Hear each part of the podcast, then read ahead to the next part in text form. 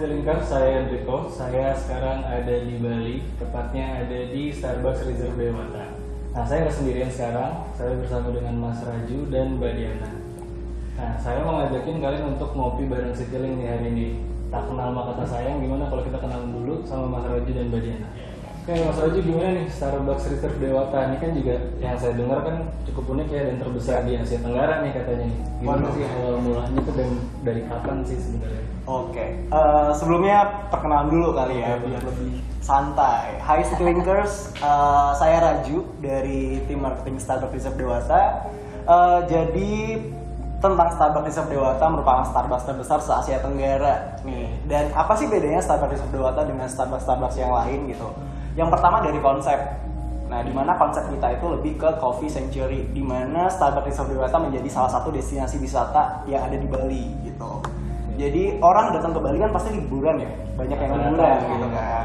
Kecuali Mas Hendriko mungkin kerja, tapi pasti Iya, sambil liburan kan? Pasti kerja sambil liburan kan? Iya pasti dong ke Bali. Banget ya. gitu. Terus eh, selain itu juga dari segi konsep, kemudian dari activity-nya juga yang membedakan dengan Starbucks-Starbucks yang lain. Di mana Starbucks Reserve Dewata eh, punya berbagai experience, yaitu ada coffee tour dan coffee class, sehingga eh, menciptakan experience yang berbeda nih setiap orang yang berkunjung ke Starbucks Reserve Dewata eh, dapat pengalaman tentang journey from seat to cup.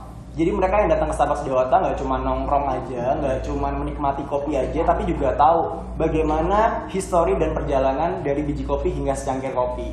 Gitu. Sedetail itu berarti yang Sedetail itu. eh, Emang tadi juga dari awal saya masuk juga udah kelihatan banget sih perbedaannya sama Starbucks yang lain dari arsitekturnya terus juga dari vibes-nya masuk juga kayak bukan tempat kopi yang biasa gitu loh yang kayak zaman dulu lah ibaratnya. Iya. Kayak vibes-nya udah bener-bener bisa jadi dibilang lifestyle kali ya.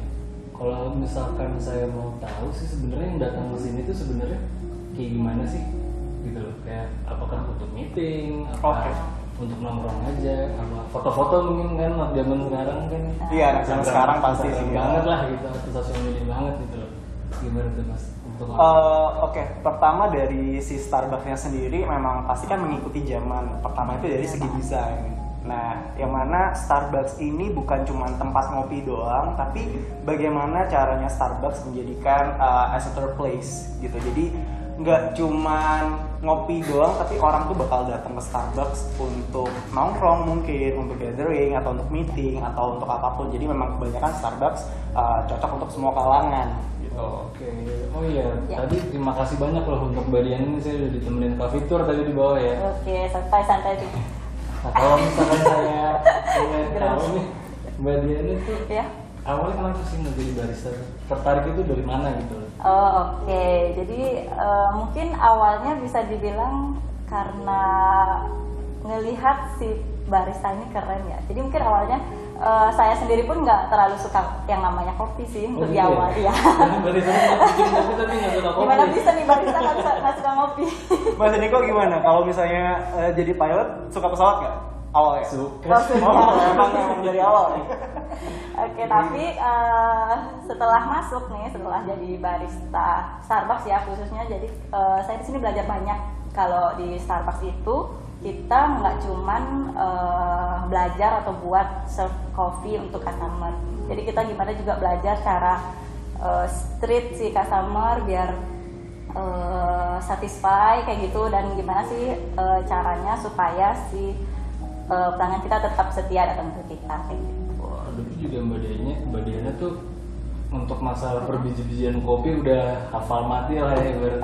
mati enggak saya masih belajar sih Masih belajar. jadi sebenarnya Oke. kalau Itu juga saya kan cukup bisa dibilang Ya. nggak nggak hampir tiap hari sih cuma pasti minimal dua hari tuh dua hari sekali pasti ada ngopinya cuma kan saya lebih suka yang dingin kan biasanya. Oh, Oh, kayak gitu. doping gitu ya? iya kan untuk kafeinnya saya Hmm. butuh membutuhkan punya juga kayak saya dulu sempet tahu Mm-mm. kopi kan yang apa arabica sama Arabica. Robusta. robusta wing lah ya bisa Ya, kalau Arabica atau Robusta, kalau Starbucks sendiri kita cuma serving di Arabica Coffee.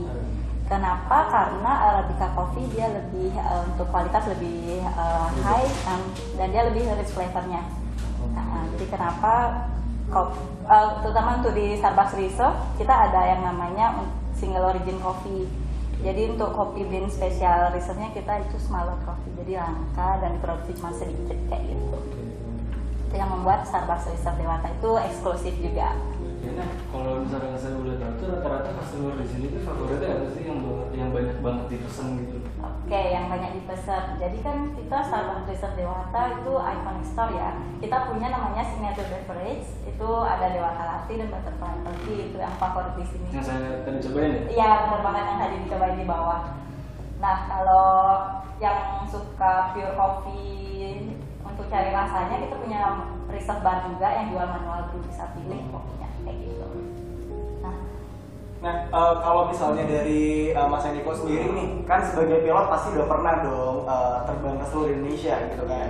Nah, kira-kira eh, kopi dari daerah mana sih yang paling favorit eh, untuk Mas Eniko? Eh, pertanyaan sulit ya. ya, menurut lidah lidah bahasa saya gitu kan kayak pasti kan ada perbedaan-perbedaannya tuh dari tingkat kasamannya Iya.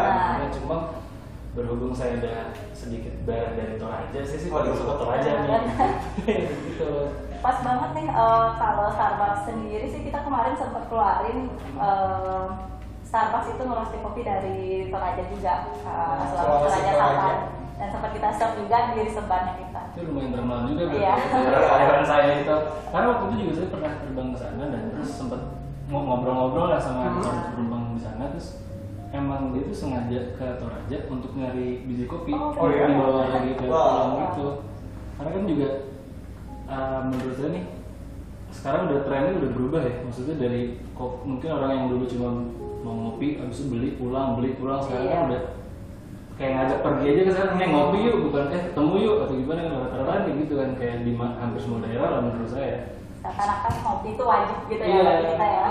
kayak emang udah jadi lifestyle tersendiri gitu loh udah ada perubahannya gitu Iya sih.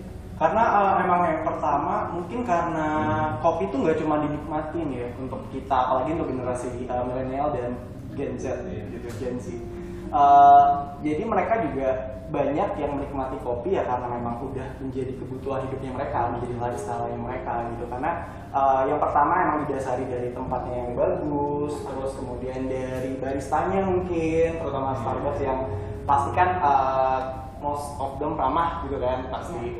Terus eh, dari segi rasanya juga pasti juga mempengaruhi untuk orang-orang eh, menjadi apa ya lebih sering nongkrong gitu kan. bisa juga kalau misalkan tinggal di Bali pasti hampir tiap hari sih kan juga bisa dilihat dari apa ya bangunan banyak banget tempatnya Iya, dan beda-beda banget gitu loh kayak mungkin kayak kayak yang di sana buat buat meeting gitu loh Iya. biasanya buat nongkrong kayak yang di luar juga untuk yang buat melihat pemandangan-pemandangan gitu kan Eh, Nah, kalau dari Starbucks sendiri kita memang fokus ke customer sih gimana caranya eh, customer eh, satisfy. Jadi kita ngasih customer experience di sini. Nah ini ngomongin uh, experience nih Siti Lin Ah. juga punya namanya itu barista on board Oh iya, saya sempat dengar tuh. Sempat dengar kan? Hmm. Nah, nah buat para Citylink-ers nih yang mau nyobain experience untuk ngopi yang pemandangannya dari atas pesawat, naik Citylink. Gokil. Keren banget nih. Iya. Jadi ngopi sambil ngelihat awan-awan gitu. Iya, awan ngeliat laut Awan, awan.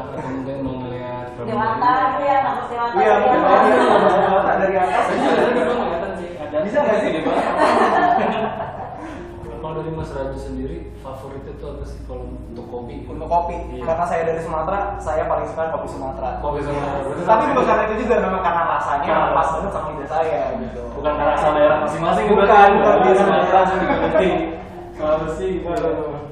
Nah, tapi memang eh, intinya kan kopi Indonesia tuh paling favorit banget gitu kan. Iya. Bahkan kayak eh, orang dari seluruh dunia nih kayak ulun ke kami Indonesia untuk cobain kopi-kopi Indonesia. yang terkenal banget sih. Saya juga Iya. pernah nih sebenarnya nyobain kopi Papua.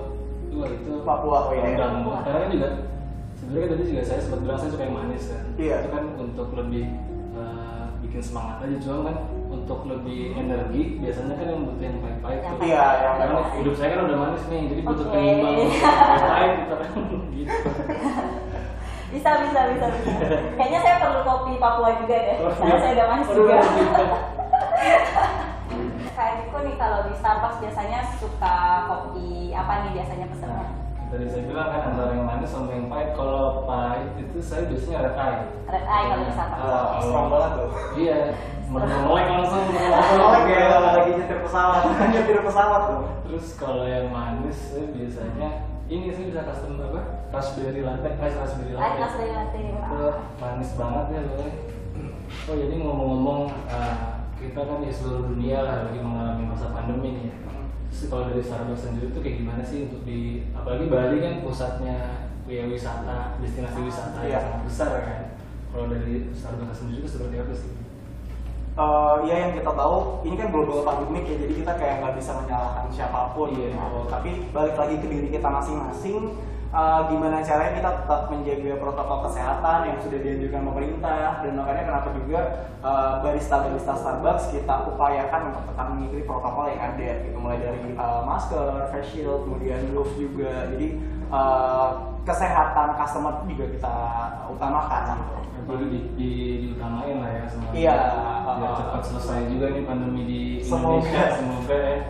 Nah, ngomongin tentang ngopi bareng Citylink nih, itu kan emang salah satu program dari Citylink Indonesia uh, untuk menjelajahi kopi-kopi yang ada di Nusantara gitu kan. Uh, setelah dari Starbucks Desa Dewata di Bali, kira-kira Citylink bakal menjelajah kopi ke mana lagi nih? Sebenarnya, nah kalau dari Starbucks Reserve sendiri itu ada berapa tuh di Indonesia? Kalau untuk Starbucks di Indonesia kita ada di 12 uh, toko, itu dan yang terbesar ada di Starbucks Di. Bali.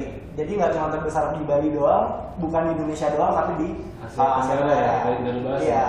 Sebenarnya kalau dari sendiri sendiri sih kita kan emang lagi mengeksplor banget lah tentang eh, kopi gitu kan. Jadi kita untuk ke depannya mungkin akan lebih mengeksplor ke daerah kota-kota di Indonesia yang emang mungkin ada punya signature sendiri gitu Oh. tentang kopinya gitu. Oke. Keren banget ya. Nah, berarti untuk para Citylinkers yang penasaran kita nanti nextnya akan ke mana, pokoknya harus pantau terus sosial media dari Citylink. Oke, nah Kak Enrico udah mumpung lagi di Starbucks Reserve Dewata nih kayaknya mesti cobain deh kopi seasonalnya kita yang sekarang. Nah, boleh dong, kan namanya juga ngopi bareng Ngopi kan, ada kopinya nih ya, kopinya udah habis nih soalnya. nih. Boleh, Jadi Langsung enak lagi aja kalau ya. emang langsung di brew sama si si di Starbucks Dewata. Oke, santai dulu. Oke. Nah, ngomongin protokol saya pakai ininya dulu nih. Oke. Bagus tuh kan, emang kita harus setiap saat harus memenuhi protokol. Iya benar. Nah, boleh boleh tanya.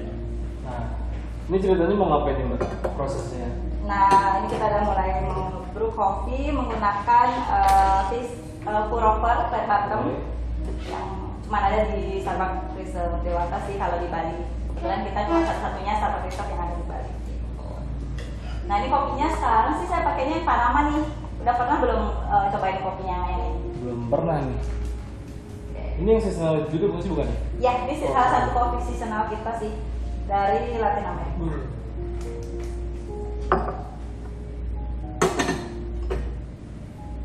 Oke, langsung aja ya kali ya. Oke. Ini man manual brew ya namanya? Iya benar manual dulu. Tadi kopi favoritnya kalian itu apa tadi? Red Eye ya. Red Eye. Tapi kalau manual brew gini udah pernah cobain belum? Belum sih. Oh belum pernah. Oke. Tapi Mas Enrico sendiri pernah nggak sih? eh, maksudnya sering nggak sih kalau bikin bikin kopi di rumah gitu? Kita kopi instan aja Kopi instan. Tapi sebenarnya juga eh, ada ketertarikan sih untuk belajar, cuma kan waktunya belum sempet lah gitu. kan. Oh, aduh. Pengen tuh belajar gitu, terputar Bisa gitu. belajar. Pas banget nih kalau di Starbucks Research Dewata kita ada kopi kelasnya juga kak. Oh, ada kopi kelas Jadi selain kopi tour yang tadi kita ada kopi kelas kayak uh, bakery testing gitu, terus kayak latte art juga. Selama pandemi latte artnya juga bisa. Oh. Latte art tuh yang di ini Buat yang art, dibuat ya. apa gitu. ya? Iya. Yang kelihatannya gampang, tapi padahal kalau udah coba itu pasti bakal susah banget. Nah kebetulan untuk kelas-kelas di Starbucks Dewata, kalau misalnya eh, Mas Enrico atau teman-teman tertarik, nanti bisa langsung kunjungin web kita aja. Oh langsung dari websitenya aja Iya.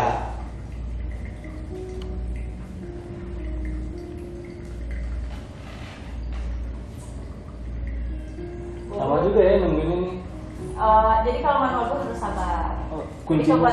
Sabar adalah kunci berarti. Sabar adalah kunci. Makanya kita ada yang namanya espresso. Kalau espresso memang khusus untuk uh, express, namanya dari express itu lebih cepat sih, espressonya lebih lama. Tapi kalau untuk dari hasil sendiri, kalau dari Mbak atau misalkan dari Mas Rajin, lebih enakan mana? Oh, Dari hasil, Ah, dari hasil akhirnya lah. dari Diana. Oh, kalau dari saya untuk manual brew sama espresso udah pasti beda ya. Jadi kopi itu eh, misalnya ya kopi Toraja eh, satu kopi dibrew pakai beda metode juga beda-beda rasanya. Oh. kan, gitu. Walaupun biji kopinya sama gitu ya. Walaupun biji kopinya sama. Nah itu uniknya kalau misalnya mau cari kopi yang lebih strong, lebih pahit yang tadi kakaknya suka, kita di bawah ada yang namanya siphon juga. Jadi manual brewnya kita nggak cuma flat cup-nya. Ini lebih clean, terus balance sih untuk rasanya. Nah, bisa dicoba bentar lagi nih. Oh iya boleh boleh boleh. Ini udah selesai pas banget. Oh, udah jadi nih, udah nggak sabar dari tadi saya nih. Iya silakan. Terima kasih banyak mbak. Ah, ini aromanya juga udah enak banget nih. ya. Nah namanya juga ngopi bareng Citylink, jadi kita mau ngopi dulu, terus kita bakal lanjut ngobrol-ngobrol lagi Iya. ya. Makan keseminyak sama yang baru. Cakep. Pergi ke pantai bersamanya. Akan banyak ada cerita yang seru. Tunggu di ngopi bareng Citylink edisi berikutnya. Ayo cobain cobain Cobain dulu ya. Aduh.